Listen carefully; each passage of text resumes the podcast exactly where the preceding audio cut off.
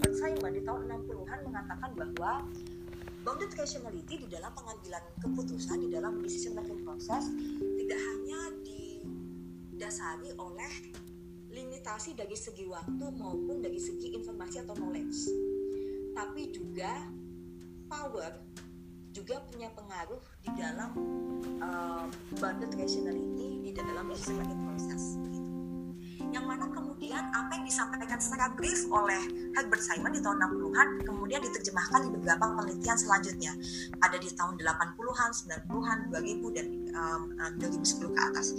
Total jumlah artikel jurnal yang membahas mengenai masalah ini sangat sedikit less than 10 hanya kurang dari 10 um, dan mereka mengatakan bahwa di dalam pengambilan keputusan ternyata tidak hanya soal limitasi dari segi waktu dan limitasi dari segi knowledge yang kemudian berakibat pada bounded rationality um, dari dari sebuah keputusan yang dibuat oleh uh, pengambil kebijakan. Tapi Palmer juga uh, turut ambil bagian.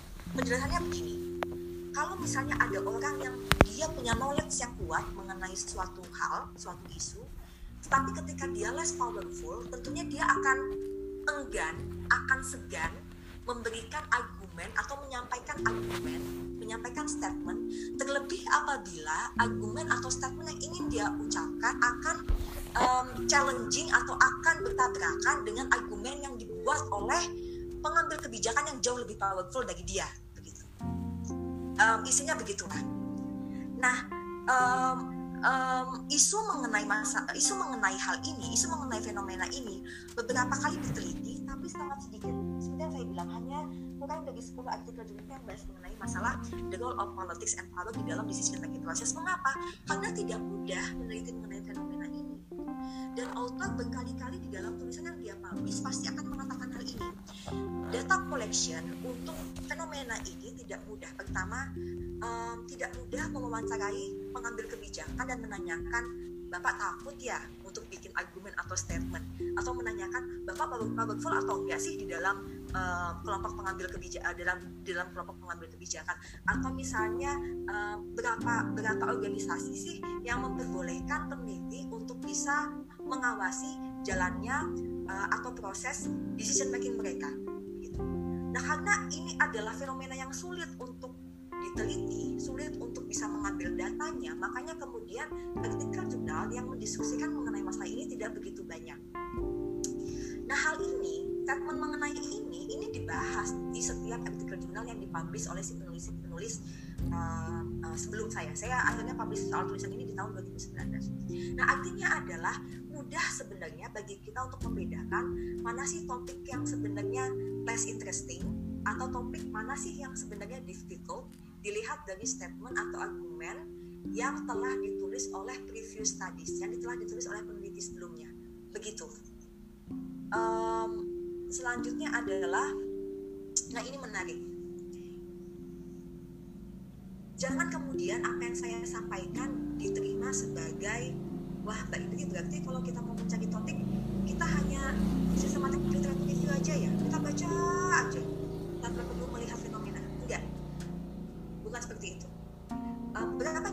saya ikut kelas writing and publication tips dari jurnal uh, uh, Journal of International uh, Business Studies. JIPS um, singkatannya ini adalah jurnal prominent di area bisnis dan manajemen dengan impact factor um, 6 sekian.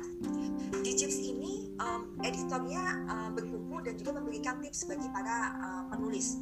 Uh, bagaimana sih kita bisa mempublish tulisan yang bisa di uh, mendapatkan kesempatan RNR atau review dan resubmission dari jurnal Q1 karena hampir tidak mungkin ya di jurnal Q1 ada tulisan yang langsung accepted itu hampir tidak mungkin. Pasti kita melalui proses RNR atau review dan resubmission.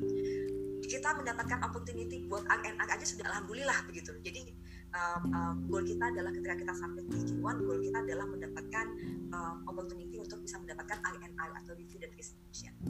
Nah uh, editor itu mengatakan seperti ini sangat penting untuk kita uh, berada pada uh, dua hal sekaligus. Satu sisi kita sangat memahami fenomenanya, satu sisi kita juga melakukan sistematik literatur review atas artikel-artikel jurnal atau atas hasil-hasil studi yang membahas mengenai fenomena ini. Memahami bahwa sebenarnya ini adalah iteratif proses itu ini adalah proses yang bolak-balik begitu. Pertama adalah kita memahami fenomenanya dulu baru kita baca um, um, artikel jurnal mengenai fenomena ini. Uh, previous studies uh, membahas aspek, aspek apa saja sih dari fenomena ini? Uh, findings mereka apa sih temuan mereka apa sih begitu jadi um, ini penting karena kalau kita hanya fokus pada systematic literature review tanpa mau melihat bagaimana fenomena ini terbentuk, maka kita hanya akan um, apa namanya hanya akan um, menemukan topik-topik yang sudah usang di old standbys namanya atau topik-topik yang sudah pernah didiskusikan di studi-studi sebelumnya. Kalau kita ingin mendapatkan aspek yang baru, ide yang cemerlang, ide yang groundbreaking, misalnya ide yang ide yang uh, novel lah terkait uh, penelitian yang mau kita teliti, ya kita harus paham fenomenanya dulu. Gitu. Paham fenomenanya ini adalah paham mengenai konteksnya, paham mengenai karakteristik dari sampel yang mau kita ambil, paham mengenai siapa saja sih aktor yang ada di fenomena, fenomena ini, hubungan antar aktornya bagaimana, dan juga evolusi atau perkembangan fenomena ini bagaimana sih? Be sure to understand the phenomenon first gitu.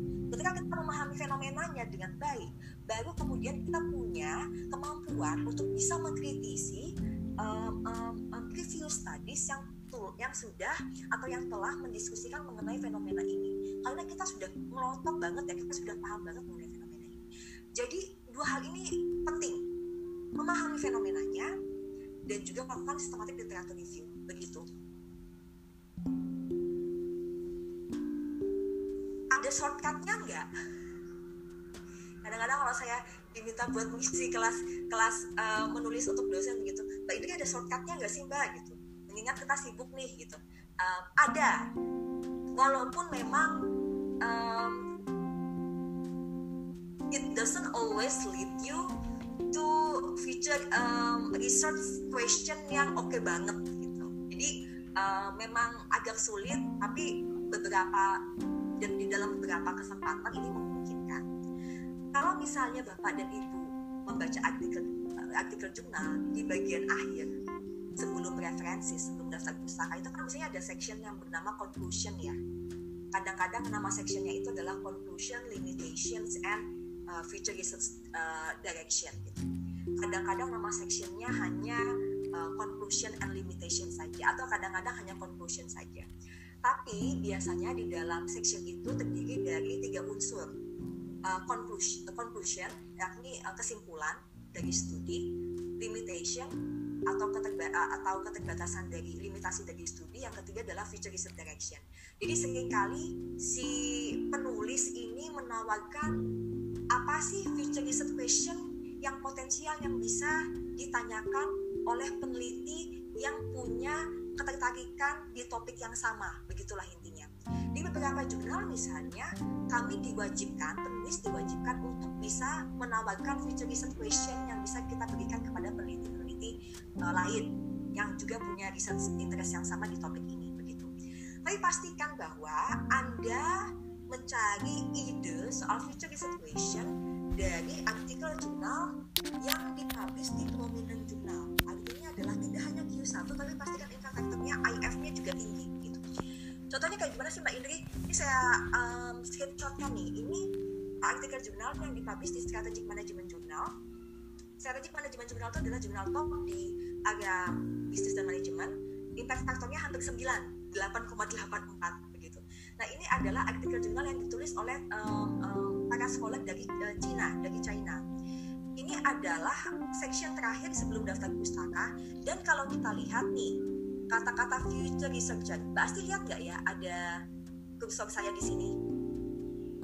Kelihatan ya? Ya oke. Okay. Di sini um, si peneliti menuliskan bahwa future researchers bisa loh explore heterogeneity dari MM. MM ini adalah middle manager, gitu. Di sini di dalam tulisan ini tidak akan saya bacakan ya. Tapi di sini si, pen, si penulis memberikan hint atau petunjuk ini loh kalau misalnya uh, kalian ingin meneliti mengenai topik ini ini loh future research question yang potensial buat kalian um, tanyakan buat kalian ajukan. Karena masih ada gap nih di sini begitu. Nah ini adalah shortcut cara mudah untuk bisa pinpointing bagaimana sih menemukan future situation yang masih uh, yang bisa mena uh, yang yang punya novelty di dalamnya, yang punya aspek kebaruan di dalamnya. Nah kita bisa melihat dari sini, dari um, um, section terakhir di artikel jurnal gitu. Selanjutnya Mbak Asti mungkin ada um, pertanyaan? Ya Mbak, ini ada satu pertanyaan uh, kembali ke yang tadi ya Mbak ya uh, tentang menentukan topik interesting atau tidak tadi. Ini menarik membicarakan topik interesting atau tidak. Nah ini uh, subjektif atau enggak Mbak? Ini maksudnya kan kita bicara interesting atau tidak biasanya subjektif ada beberapa topik dipandang oleh para dosen di sebuah kampus itu interesting sedangkan di kampus lain juga tidak interesting. Nah apakah ini juga bisa masuk dalam kategori ke kebaruan? Ini pertanyaan dari salah satu peserta. Jadi seperti ini eh, ketika kita mengatakan bahwa bisa jadi topiknya less interesting karena kajiannya sedikit eh, padahal mendapatkan datanya tidak susah begitu. Ini kita berbicara dari pandangan yang umum ya karena kan kita melihat dari artikel jurnal yang dipublish di topik ini di seluruh dunia melewati sekat-sekat universitas, melewati sekat-sekat disiplin dan yang lain-lain. Jadi kita berbicara dari segi dari secara general saja. Tapi misalnya um, tadi saya katakan bahwa bisa bisa jadi enggak interesting banget nih tapi artikel jurnal yang dipublish di field atau topik itu sangat sedikit karena memang data koleksinya sangat sulit yang memungkinkan tadi seperti sudah saya bilang dan biasanya memang argumen-argumen atau statement-statement demikian itu ditulis oleh si penulis di artikel jurnal yang mereka publish mereka akan bilang bahwa um, sebenarnya topik ini sangat menarik tetapi um, apa namanya um, perkembangannya sangat lambat dari sekian puluh tahun, dari sekian dekade, hanya ada sekian belas artikel jurnal yang membahas mengenai masalah ini. Ini dikarenakan oleh misalnya data collectionnya sangat sulit. Sebentar Mbak Asti, saya uh, saya cabut dulu laptop saya.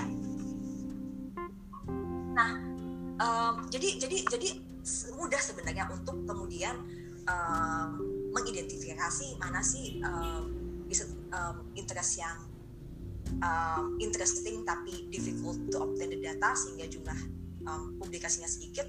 Versus research um, uh, research um, topik yang mungkin um, kurang menarik aja. Makanya kemudian tidak banyak kajian yang dilakukan mengenai topik tersebut begitu.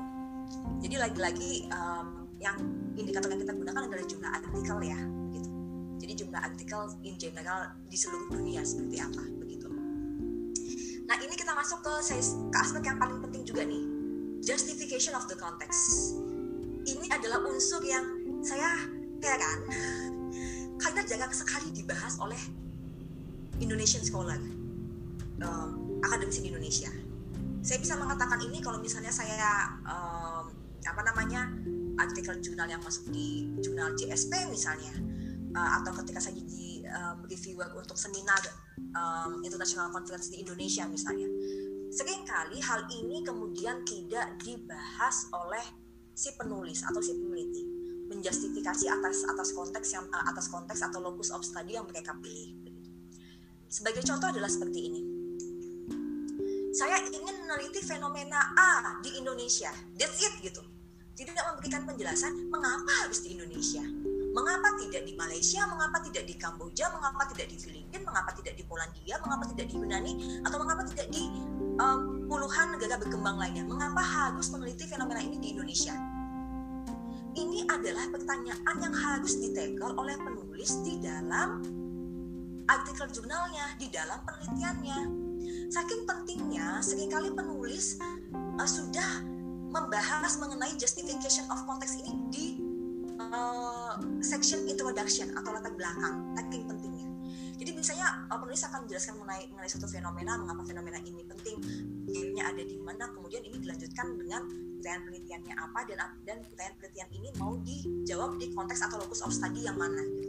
Dan kemudian memberikan justification of konteks mengapa saya memilih uh, konteks ini, mengapa saya memilih Indonesia karena Indonesia um, uh, uh, apa namanya bisa memberikan insight yang lebih menarik dibandingkan negara berkembang yang lain. Atau saya memilih Indonesia karena fenomena ini uh, sangat menarik, uh, sangat unik dan fenomena ini tidak ditemukan di negara yang lain. Misalnya begitu seperti itu contohnya. Tapi poinnya adalah kita perlu memberikan justification of the context. Perlu ada justification of the locus of the study. Ketika kita mau Indonesia ya jelaskan kenapa Indonesia? Kenapa tidak puluhan negara berkembang yang lain? Atau ketika kita ingin meneliti fenomena A di Jawa kenapa harus Jawa? Kenapa bukan Sulawesi? Kenapa bukan Sumatera? Kenapa bukan Papua uh, Kalimantan atau yang lain? Atau ketika kita memilih fenomena ini di Yogyakarta kenapa mesti Jogja? Kenapa harus Jogja? Kenapa tidak ratusan uh, kabupaten atau kota yang lain yang ada di Indonesia? Begitu.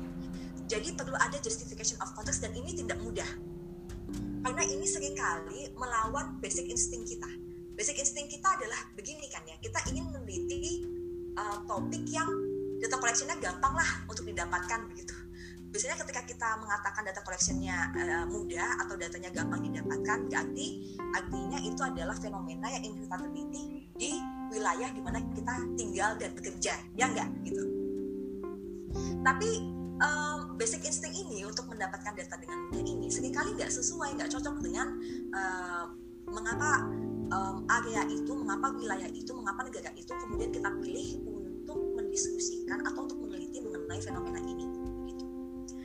um, cara justifikasinya seperti apa sih? Saya akan kasih tahu contohnya seperti apa. Tapi lagi-lagi justifikasi atas konteks ini penting. Dan biasanya penulis menempatkan ini di introduction secara brief lalu kemudian dielaborasi lebih lanjut di section research method di section uh, metodologi begitu. Misalnya contohnya seperti ini um,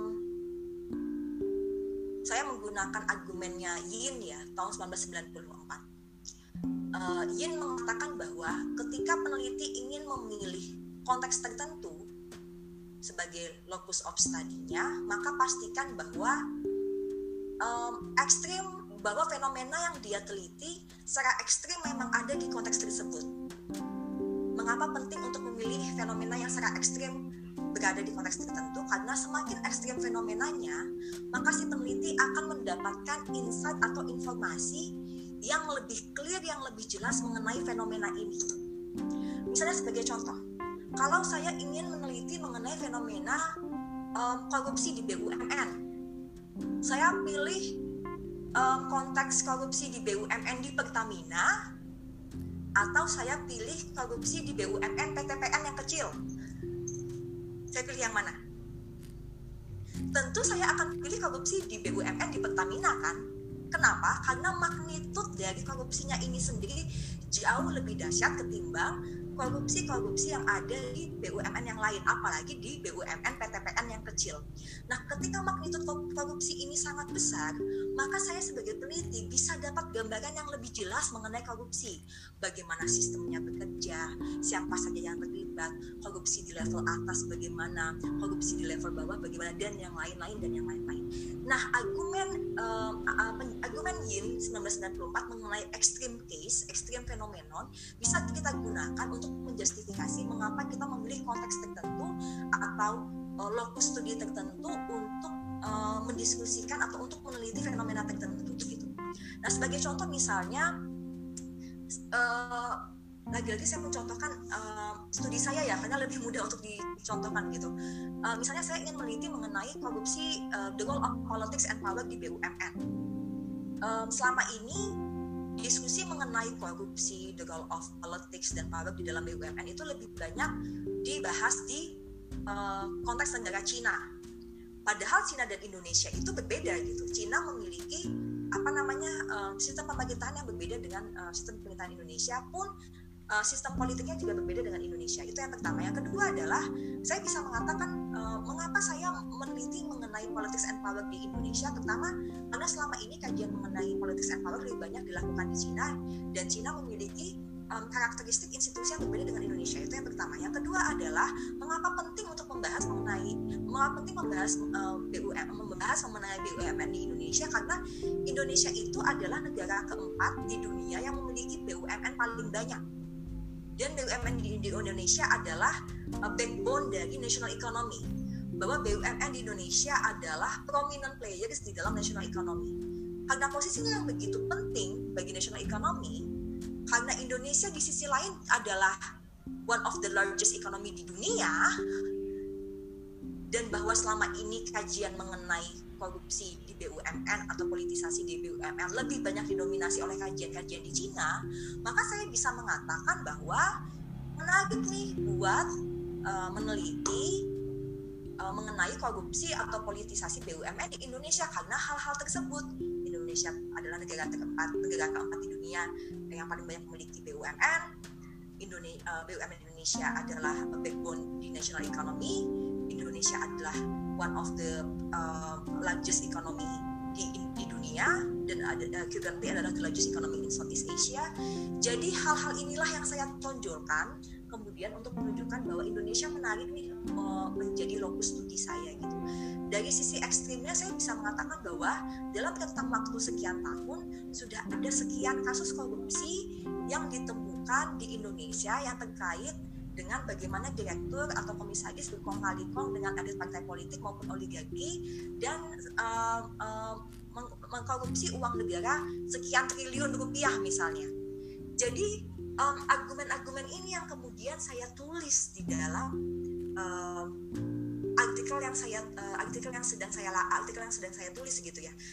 Argumen ini yang saya buat ketika saya misalnya sedang uh, uh, menulis artikel jurnal mengenai topik ini. Jadi justification of context ini sangat penting. Lagi-lagi tuliskan secara brief di introduction dan kemudian dielaborasi secara lebih uh, lanjut di uh, research method section begitu. Lalu um, ini juga menarik uh, untuk saya sampaikan kepada Bapak dan Ibu dan Mas dan Mbak. Saya sendiri adalah reviewer di jurnal namanya adalah International Journal of Emerging Economies impact faktornya adalah 1,5 seharusnya sudah naik Q1 tapi um, lagi proses masih di Q2 editornya adalah co-author saya saya kenal sekali dengan editornya namanya editor editor in chiefnya namanya adalah Ilan Alon Profesor Ilan Alon. Profesor Ilan tuh berkali-kali ngomong ke saya menyampaikan um, personal ya. Indri kenapa sih di jurnal kita ini yang ngirim uh, artikel kebanyakan yang mensubmit artikel adalah artikel-artikel dari Cina dan Afrika? Padahal Indonesia adalah salah satu emerging economies dan jurnalnya lagi-lagi karena jurnalnya adalah International Journal of Emerging Economies jadi uh, jurnal ini secara khusus mempublish tulisan yang memang mendiskus mendiskusikan beragam topik di negara-negara emerging economies. Dan uh, Prof Ilan ini berkali-kali menyampaikan ke saya kenapa sih uh, ilmuwan Indonesia jarang banget uh, mensubmit tulisannya di jurnal kita? Tolong sampaikan ke kolegaku bahwa kita dengan senang hati uh, mau memberikan kesempatan kepada studi atau artikel yang disubmit oleh teman-teman dari Indonesia begitu. Nah ini sebenarnya menunjukkan bahwa Indonesia ini juga sebenarnya dilirik gitu, juga juga menarik. Juga banyak orang yang kemudian uh, merasa bahwa menarik nih untuk bisa meneliti Indonesia. Di sisi lain ada kecenderungan untuk jurnal-jurnal menjadi lebih inklusif begitu. Uh, Bapak dan Ibu, Mas uh, uh, bisa bisa bisa uh, ini enggak bisa mengamati enggak dominasi publikasi atau dominasi artikel jurnal yang dipublish itu biasanya berasal dari tiga negara atau at least uh, studi yang uh, mendominasi publikasi kita secara internasional itu ada di tiga negara. Satu US kedua UK walaupun uh, beberapa tahun terakhir UK tidak begitu ini dan yang ketiga adalah China mengapa? Karena terutama US ya karena mereka adalah um, um, jurnal banyak yang dari negara sana mereka adalah prominent players in global economy sehingga memang banyak artikel jurnal yang dipublish yang didominasi oleh ketiga konteks negara ini. Dan karena ketiga negara ini adalah prominent players in global economy sehingga kalau Bapak dan Ibu perhatikan, Mas dan Mbak perhatikan di dalam artikel jurnal yang konteksnya atau locus of study-nya adalah US, UK atau China, mereka tidak pernah memberikan justifikasi mengapa mereka melakukan studi ini di US atau di UK atau di China. Kenapa? Edit tidak perlu menanyakan hal itu karena ketiga negara ini adalah prominent players in global economy sehingga merasa bahwa ya um, ya udah nggak perlu justifikasi semua orang akan menganggap bahwa studi yang dilakukan di ketiga konteks negara ini pasti akan menarik begitu. Tapi pertanyaannya adalah until when sampai kapan? Jadi begini, um, ini seperti sama dengan case-nya Jepang ya di tahun awal 2000-an banyak sekali artikel jurnal yang mendiskusikan soal Jepang bahkan uh, kalau misalnya bapak ibu atau mas dan mbak uh, mengetahui ada uh, kriminologi yang namanya adalah flying geese model atau flying geese paradigm yang yang menjelaskan mengapa kemudian Jepang sebagai negara di Asia punya pertumbuhan ekonomi yang sangat tinggi dan bisa dikategorikan sebagai uh, developed economy begitu. Nah, tapi di tahun 2010 ke atas um, artikel mengenai Jepang itu tidak begitu banyak begitu. Mengapa semenjak financial crisis di tahun 2008 uh, perekonomian Jepang tidak sekuat sebelumnya? Artinya ada shifting. Artinya adalah pada saat sekarang US, UK, China itu adalah prominent players in global economy. Hence, artikel yang membahas mengenai tiga negara ini tidak perlu justifikasi. Tapi ini tidak menjamin bahwa mereka sampai nanti um, para peneliti yang ingin meneliti fenomena apa pun di ketiga negara ini akan mendapatkan privilege benefit yang sama. Karena bisa jadi di beberapa dekade setelahnya prominent players in global economy berubah begitu. Dan kemudian prominent players in global economy ini uh, menjadi konteks atau lokus study, locus of study di mana editor atau reviewer kadangkala uh, sering kali tidak membutuhkan uh, peneliti untuk memberikan justifikasi mengapa mereka memilih untuk uh, meneliti fenomena ini ada diskriminasi dari sisi ini ya gitu. Nah, ini ada beragam jurnal Q1 maupun Q2 yang memang fokusnya adalah untuk serving um, market Asia atau serving market um, um, develop uh, developing countries atau emerging economies. Saya uh, masukkan di sini di beberapa baik Q1 maupun Q2. Tentunya ketika Anda memasukkan artikel jurnal ke jurnal-jurnal ini, anda tidak perlu memberikan justifikasi mengapa harus Asia gitu. Karena kan memang dia uh, secara khusus dia serving market Asia ya. Tapi mungkin bisa Anda berikan justifikasi mengapa Anda memilih Indonesia dan bukan negara Asia yang lainnya ketika Anda uh, ingin meneliti mengenai fenomena tertentu misalnya seperti itu. Begitu.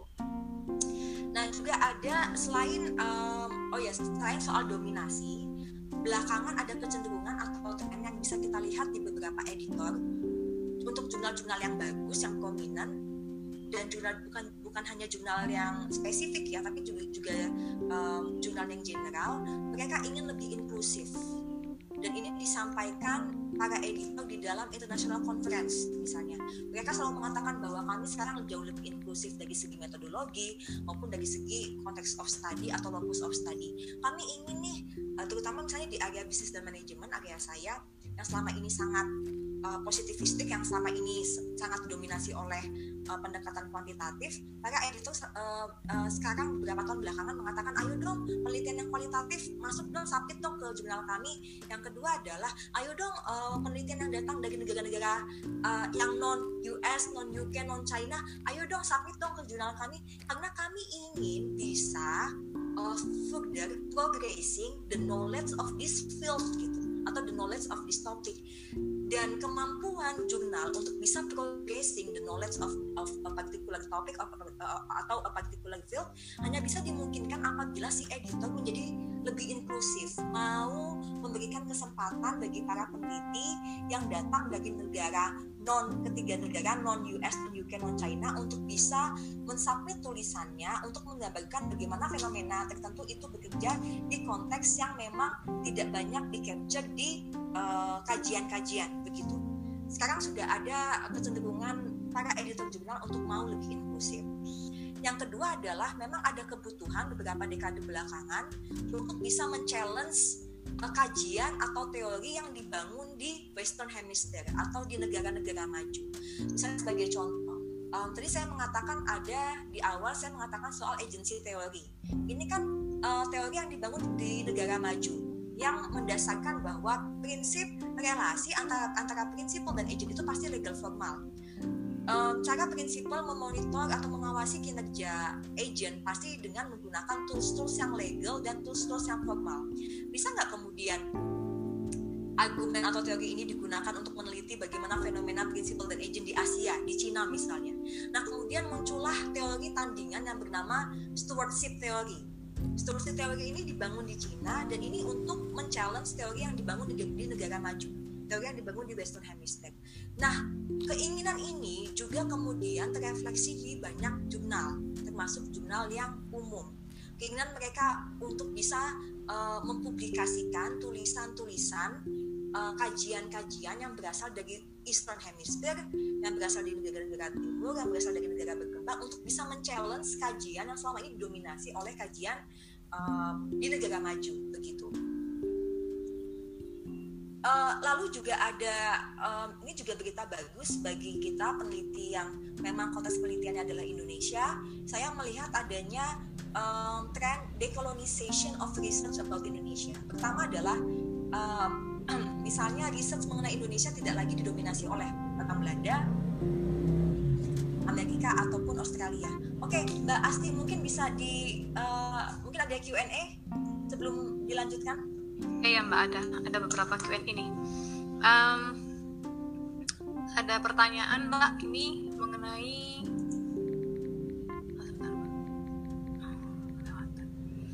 ini uh, bagaimana menyusun riset yang baik apabila kita berdiri di kajian multidisipliner?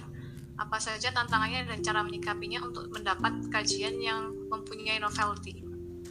Itu pertanyaan satu pertanyaan mbak ya Oke satu dulu aja ya Mbak Asti. Ya, Kajian multidisiplin ini sebenarnya sangat umum ya. Bahkan kalau misalnya kita lihat artikel jurnal itu beberapa artikel jurnal, banyak artikel jurnal yang memang uh, serving uh, uh, multiple discipline begitu. Misalnya contoh ada jurnal saya lupa judulnya apa ya. Itu dia serving disiplin geografi dan politik gitu.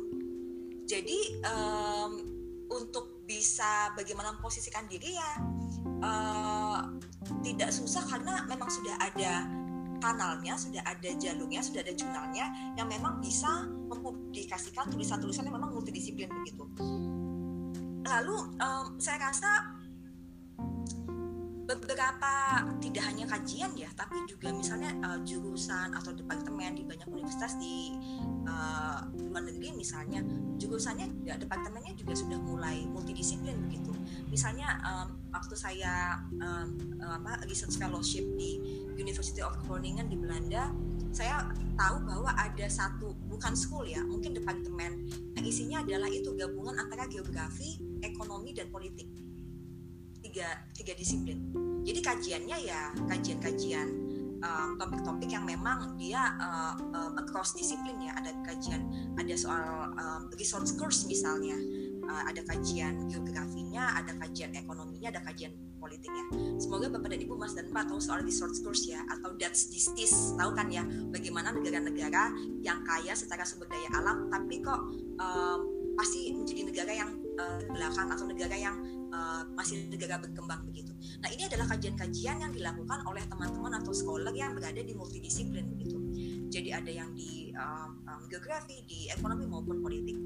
Uh, mengingat bahwa ada banyak ada banyak jurnal yang memang memfasilitasi multidisiplin ini, atau misalnya seperti kasus saya, saya itu kajiannya adalah um, multidisiplin juga, uh, bisnis manajemen dan juga politik saya publish di jurnal yang memang uh, selama ini didominasi oleh artikel yang sangat bisnis dan manajemen. Dan sangat uh, uh, finance uh, apa ya?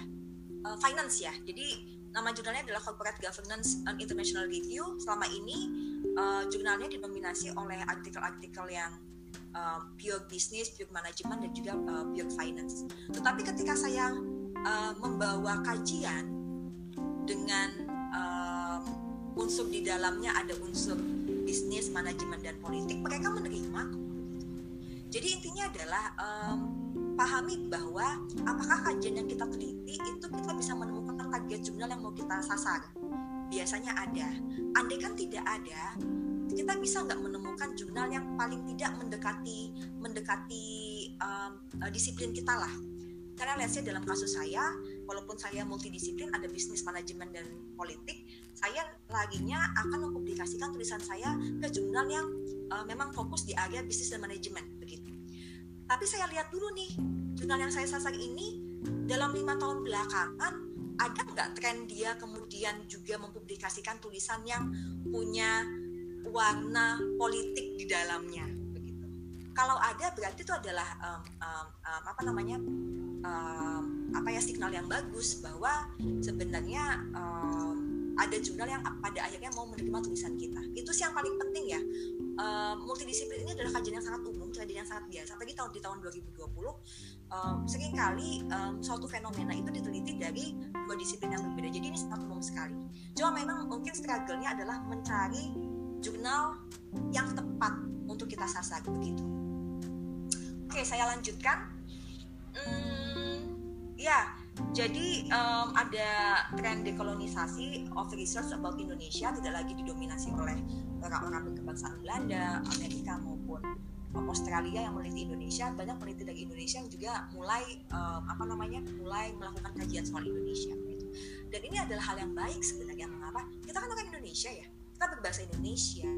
Kita paham gestur, kultur, social norms dan yang lain-lain. Kita personal connection kita di Indonesia juga banyak dan jadikan ini sebagai benefit kita untuk bisa mendapatkan uh, atau untuk bisa mendapatkan data dengan lebih mudah dibandingkan dengan para ilmuwan atau scholar yang berasal dari negara yang lain.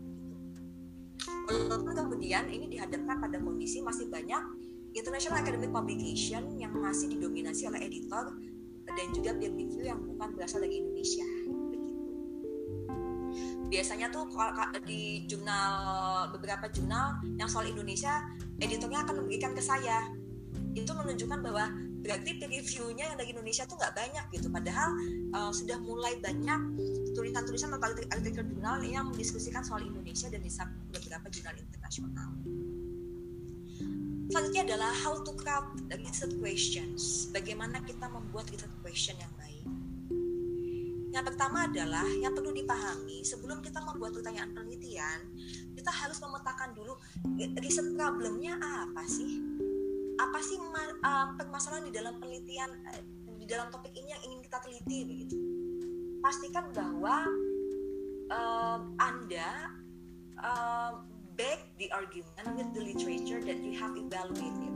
Artinya adalah pastikan bahwa ketika Anda mulai uh, apa namanya di satu problem ini pastikan bahwa anda uh, membuat argumen dan membackup argumen ini uh, dari argumen-argumen serupa yang mungkin diungkapkan oleh uh, sekolah lain di preview studies misalnya.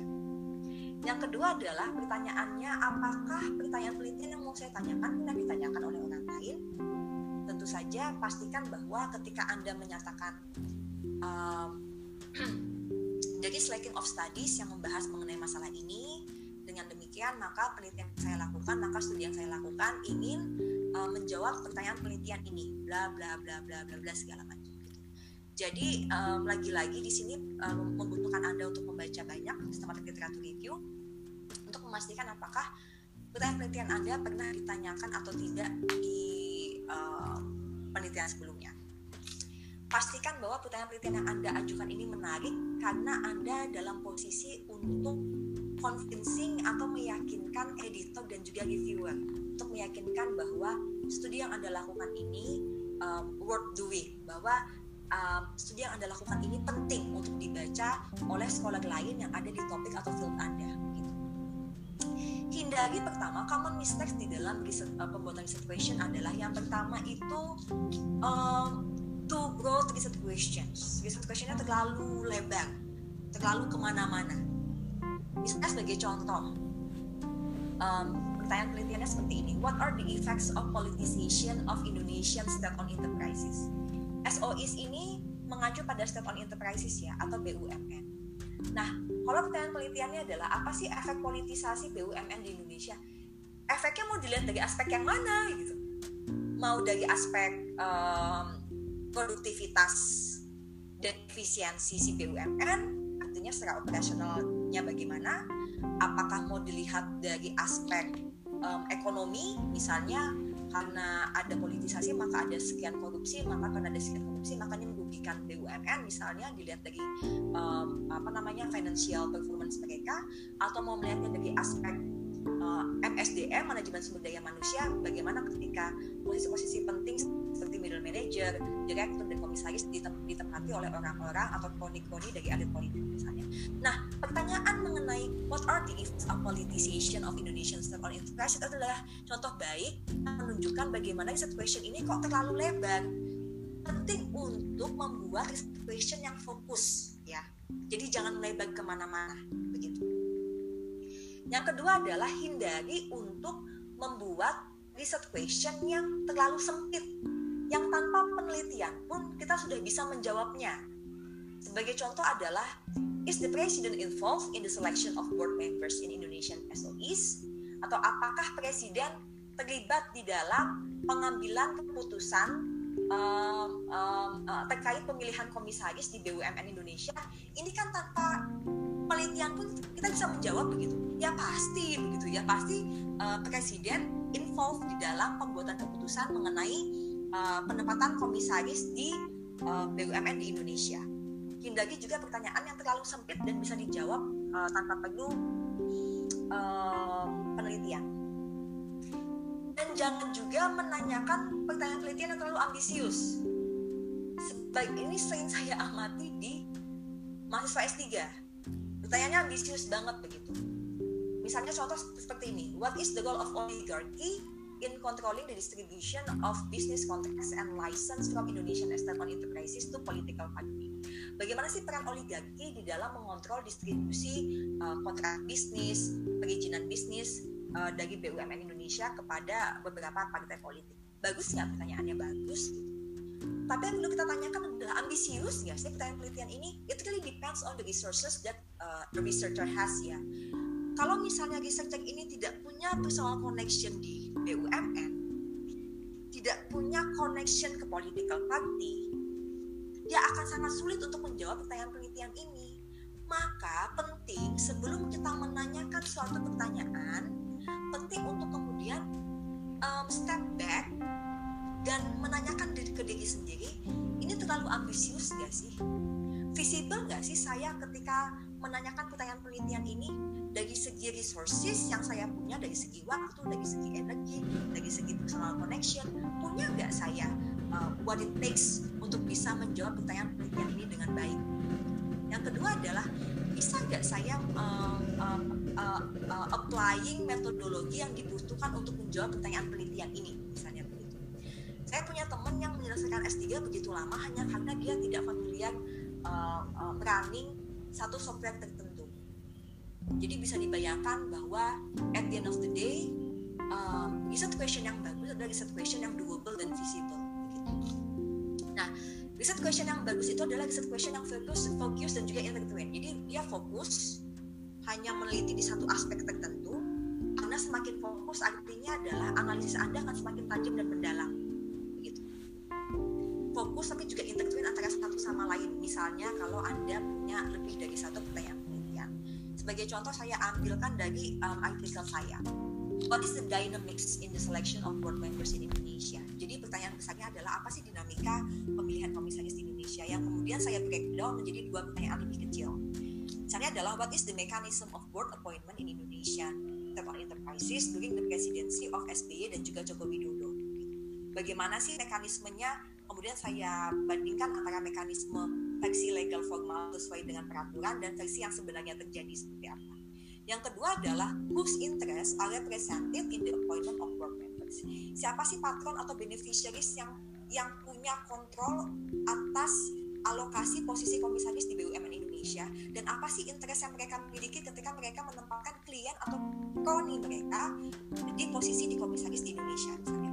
Nah ini kan kita kita bisa lihat ya bahwa pertanyaan penelitiannya fokus menyasar pada aspek tertentu yakni aspek politisasi uh, pemilihan komisaris di Indonesia. Uh, yang pertama membahas mengenai aspek mekanismenya yang kedua membahas mengenai aspek aktornya dan apa interest mereka di belakangnya. Ini adalah uh, pertanyaan penelitian yang kalau kita bandingkan dengan sebelumnya ini jauh lebih fokus dan uh, terkait satu sama lain begitu.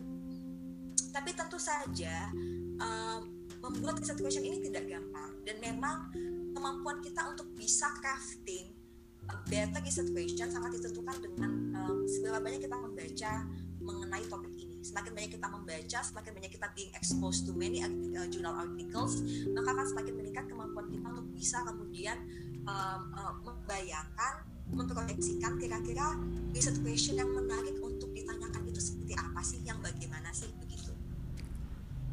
Lalu ini yang paling part yang paling sering juga diabaikan oleh penulis um, di dalam tulisan mereka mana ini adalah salah satu uh, bagian yang sering kali saya kritisi dan um, kalau tidak ada biasanya atau kalau tidak kuat maka kemudian saya reject. Saya tidak um, saya sebagai reviewer tidak tidak memberikan um, opportunity and kepada um, studi yang seperti ini.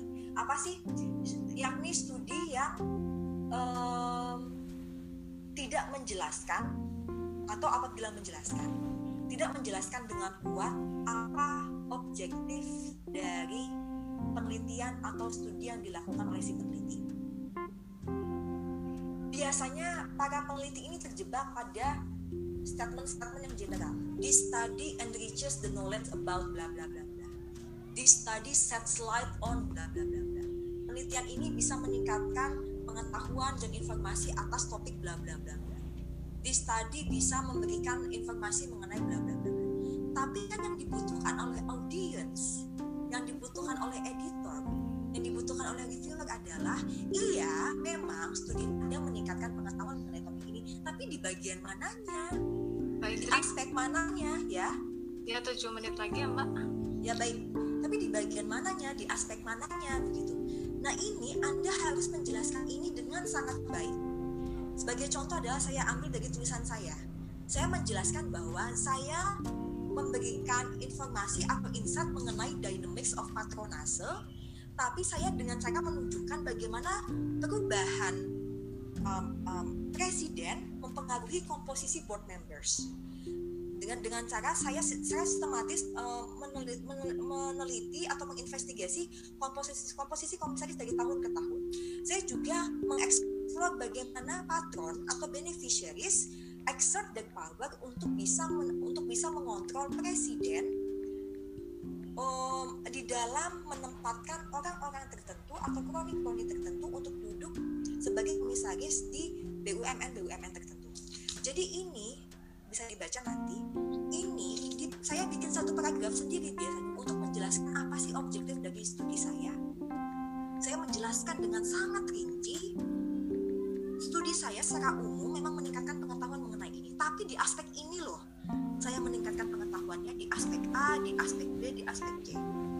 Seringkali saya juga menambahkan kata-kata di study answers the call. From answer genetic misalnya. Studi ini menjawab uh, tantangan misalnya dari beberapa peneliti sebelumnya yang mengatakan bahwa sangat sedikit um, ada knowledge ataupun pengetahuan mengenai topik-topik ini. Saya seperti itu. Atau sebagai contoh saya juga seperti ini juga satu paragraf sendiri ya saya bikin. This paper responds the call of Bailey and Peck bla bla bla bla bla bla bla bla. Bla bla bla bla bla. Saya menjelaskan secara spesifik bagaimana kemudian paper saya atau studi saya bisa memberi mem, uh, memberikan aspek kebaruan yang mana berkontribusi di dalam the development of knowledge di topik atau field ini. Ini saya jelaskan dengan spesifik dan ini saya buat satu paragraf sendiri? Karena editor maupun reviewer akan sangat fokus pada bagian itu. Di situ Anda kemudian menjelaskan kontribusi Anda apa, kontribusi penelitian Anda apa. Ketika Anda tidak bisa menjelaskan dengan baik apa kontribusi penelitian Anda, maka bagaimana kemudian editor maupun reviewer bisa bisa diyakinkan bahwa studi Anda penting dan layak untuk dipublish begitu. Jadi um, um, saya akan um, um, lewati yang bagian ini karena saya yakin Bapak Ibu Mas dan Mbak sudah paham sudah paham mengenai bagaimana cara membuat introduction. Um, bagaimana membuat argumen? Um, ini juga bagian penting. Pertama adalah uh, tolong mohon mensitasi paper atau artikel jurnal yang influensial di field atau topik Anda. Itu yang pertama dilihat tadi ya dilihat dari citasi dilihat dari jurnalnya yang publish apakah bagus atau tidak dan lain-lain. Yang kedua adalah pastikan anda mensitasi atau um, uh, uh, bagi friends membuat uh, preferencing uh, dari artikel jurnal yang dipublish di prominent jurnal kalau anda publish di Q1 kalau anda ingin publish di Q1 pastikan itu dari Q1 atau bisa juga lebih fleksibel ketika bisa saya sampaikan ya ketika uh, argumen yang anda buat lebih spesifik dan uh, anda bisa menemukan uh, support atas argumen itu misalnya dari Q2 atau Q yang lain juga nggak apa-apa. Tapi pastikan dominasi dari citation yang anda punya itu berasal dari Q1 lalu uh, pastikan bahwa anda men-cite artikel jurnal recently published untuk menunjukkan bahwa ada kebaruan dari dari tulisan anda boleh nggak mbak Indri kita memasukkan um, citations dari jurnal yang sudah lama dipublish dan yang uh, recently publish boleh terutama ketika anda membuat argumen yang uh, sifatnya longitudinal ya punya perspektif longitudinal. Misalnya anda ingin menunjukkan bahwa ini loh aspek A dari fenomena B dari tahun ke tahun tidak pernah dibahas. Anda masukkan kemudian argumen dari si A di tahun 1980-an si B di tahun 2000 awal sampai si C di tahun 2000, uh, 2017 misalnya jadi anda uh, citation anda uh, berasal dari uh, tiga periode waktu yang berbeda Lalu juga ini yang lebih politis ya, cite the articles uh, from the targeted journal. Jadi pastikan untuk bisa memasukkan uh, citasi dari artikel jurnal yang uh, dari jurnal yang uh, anda sasar. Um, secara politis, uh, editor dan reviewer akan senang ketika melihat bahwa artikel jurnal dari jurnal yang anda sasar ini anda masukkan ke dalam tulisan anda. Secara substansi ini bisa dilihat dari kacamata bahwa ini untuk menunjukkan bahwa studi anda itu engage dengan existing discourse yang ada di dalam jurnal tersebut begitu. Dan juga pastikan bahwa referensi yang anda uh, masukkan itu punya similar standpoint atau philosophical approach sesuai dengan yang anda uh, gunakan. Ini misalnya dilihat dari ini terutama paling penting di research method ya. Pastikan bahwa ketika anda masukin referensi itu jangan asal masukin nama pastikan apakah orang ini berasal dari school of thought yang sama dengan anda atau tidak. Karena ketika kita berbicara mengenai case study case study itu beragam loh school of thought-nya beragam loh philosophical approach-nya. Dan pastikan apakah orang yang anda cite, uh, cite punya philosophical approach yang sama atau tidak dengan anda. Gitu ya. Ada yang philosophical approach-nya lebih positivistik ada yang philosophical approach-nya lebih um, uh, interpretif dan yang lain-lain pastikan bahwa yang anda cite punya um, um, philosophical approach yang sama dengan anda yang kedua adalah yang paling penting uh, research method harus detail. Seringkali saya tidak melihat ini. Research method itu harus terdiri, saya sendiri ya pribadi, terdiri dari tiga subsection. Yang pertama adalah ada subsection yang membahas mengenai research context dan design. Jadi tidak hanya Anda mengatakan bahwa penelitian ini menggunakan kualitatif, iya metodologinya kualitatif. Approach-nya apa? Apakah case study? Apakah etnografi? Apakah eksperimen? Atau apa? Lalu jelaskan juga secara lebih detail research konteksnya kenapa, justification of konteksnya apa, samplingnya bagaimana, misalnya Anda menggunakan sampel dan yang lain-lain dan yang lain-lain. Lalu yang kedua adalah subsectionnya adalah data collection protocol. Bagaimana sih Anda mendapatkan data? Caranya seperti apa? Yang ketiga adalah data analisis. Bagaimana Anda menganalisis data?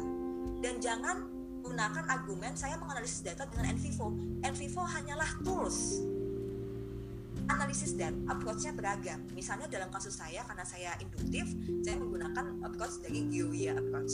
Tools-nya bagus saya gunakan NVivo. Jadi uh, jangan jangan jangan salah seperti ini. Dan ini yang terakhir. Principles to guide you when writing. Ada dua hal yang selalu saya tekankan uh, kepada peserta kelas menulis saya. Yang pertama adalah clear before clever. Yang ketiga adalah don't state the obvious. Clear before clever ini adalah Anda sering nggak membaca tulisan yang jelimet banget? Terminologinya susah, susah dipahami, jargonnya susah, jelimet. Dan orang sering kali uh, merasa bahwa semakin jelimet tulisan maka semakin tinggi kualitasnya. Yang mana ini adalah salah saya akan menunjukkan di bagian akhir nanti um, itu adalah poin-poin saya sebagai reviewer di Q1 dan Q2 itu adalah ada poin di mana saya harus meneliti aspek-aspek apa saja dari tulisan. Dan ada aspek yang menekankan seberapa clear sih si penulis ini menyampaikan idenya seberapa mudah sih bagi audiens bagi reader untuk bisa memahami apa yang disampaikan oleh penulis. Apakah penulis menggunakan terminologi yang susah atau tidak dan yang lain dan yang lain jadi pastikan clear before clever sebelum ingin terlihat pintar dengan cara menuliskan sesuatu yang sederhana menjadi lebih kompleks dan susah pastikan bahwa paling penting uh, adalah pesan yang kita sampaikan itu uh, bisa diterima dengan mudah dan yang kita sampaikan itu juga uh, mudah untuk diterima oleh orang lain. Yang kedua, yang kedua adalah don't state the obvious. Jangan pernah melakukan penelitian yang tanpa penelitian pun sebenarnya kita sudah bisa mengetahui alasannya apa. Ini adalah review form terakhir Mbak Asti bisa dibaca bareng-bareng. Ini adalah aspek-aspek yang menjadi uh, basis bagi reviewer untuk menilai suatu tulisan baik di satu maupun kedua aspek-aspeknya mirip-mirip. Yang pertama adalah originality atau aspek novelty, seberapa baru yang ditawarkan oleh uh, paper. Yang kedua adalah aspek literatur. Ada nggak uh, uh, apakah tulisan ini tidak men-cite artikel jurnal yang paling influential atau paling um, um, apa namanya yang paling relevan di metodologi apakah teorinya sesuai apakah penjelasan mengenai metodologi sesuai apakah penelitian ini dilakukan secara rigor oleh peneliti atau tidak gitu. apakah result apakah findingnya dijelaskan dengan baik? Apakah analisisnya dijelaskan dengan baik juga? Lalu apakah apa saja implicationnya baik uh, terhadap ilmu atau teori atau literatur dan knowledge dan juga implikasinya uh, secara uh, praktis ya kepada masyarakat kepada kebijakan dan yang lain-lain. Dan juga terakhir quality of communication apakah paper clearly express its case? Dan apakah menggunakan technical language yang susah atau tidak gitu. begitu mbak Asti uh, yang saya berikan sudah selesai. Ada sih yang terakhir tapi waktu waktu kita sudah habis ya? Iya, waktu kita sudah habis banyak sekali bisa dilewati saja begitu. Ya. silakan ya Allah ada sesi-sesi yang selanjutnya yang bisa share oleh Mbak Indri. Baik terima kasih Mbak Indri atas uh, paparan materi yang sangat sangat uh, memberikan pencerahan buat kita khususnya bagi kita yang penulis yang memang uh, lemah dalam hal urgency, novelty, gapnya itu yang saya nah itu. Nah poinnya adalah kita memang harus terus banyak baca baca baca seperti yang disampaikan oleh Prof. Agus juga Mbak Indri. Kemudian uh, bagaimana kita kita hari ini kita mendapatkan banyak insightful information bagaimana kita membentuk research gap novelty bagaimana kemudian kita melakukan systematic uh, literatur review yang mungkin sekilas saja tadi disampaikan oleh Mbak Indri. Mungkin tekniknya khusus mungkin ada sendiri ya Mbak Indri. Nanti mungkin sampaikan di beberapa pertemuan yang lain uh, insya Allah kalau misalnya kita ada waktu lagi. Baik Bapak Ibu sekalian uh, demikian acara hari ini. Uh, semoga memberikan uh, banyak uh, informasi yang bermanfaat untuk Bapak Ibu sekalian mengembangkan tulisan-tulisan Bapak Ibu draft-draft yang sudah ada. Bapak Ibu sekalian materi dan sertifikat bisa diunduh pada link yang nanti akan kami sharekan dan kami mohon kesediaan Bapak Ibu, kami ingatkan kami mohon kesediaan Bapak Ibu untuk bisa mengisi kuesioner yang sudah kami share di uh, grup. Uh, Bapak Ibu sekalian, terima kasih atas perhatiannya. Saya selaku moderator kali ini menyampaikan mohon maaf jika ada kata-kata yang kurang tepat dan kurang berkenan selama acara berlangsung. Akhir kata saya ucapkan terima kasih. Assalamualaikum warahmatullahi wabarakatuh. Ya, terima kasih. Ya, Bapak Ibu, uh, uh, mohon maaf uh, terakhir saya terlupa sedikit. Uh, bagi yang sudah terregistrasi pada sesi penulisan kali ini berhak untuk mengikuti sesi coaching klinik selanjutnya.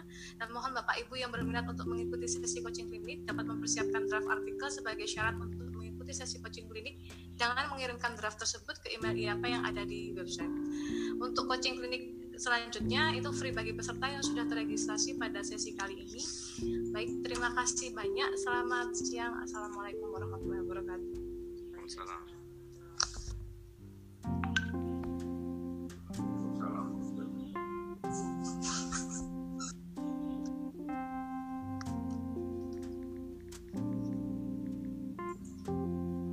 teruskan evaluasi sebentar.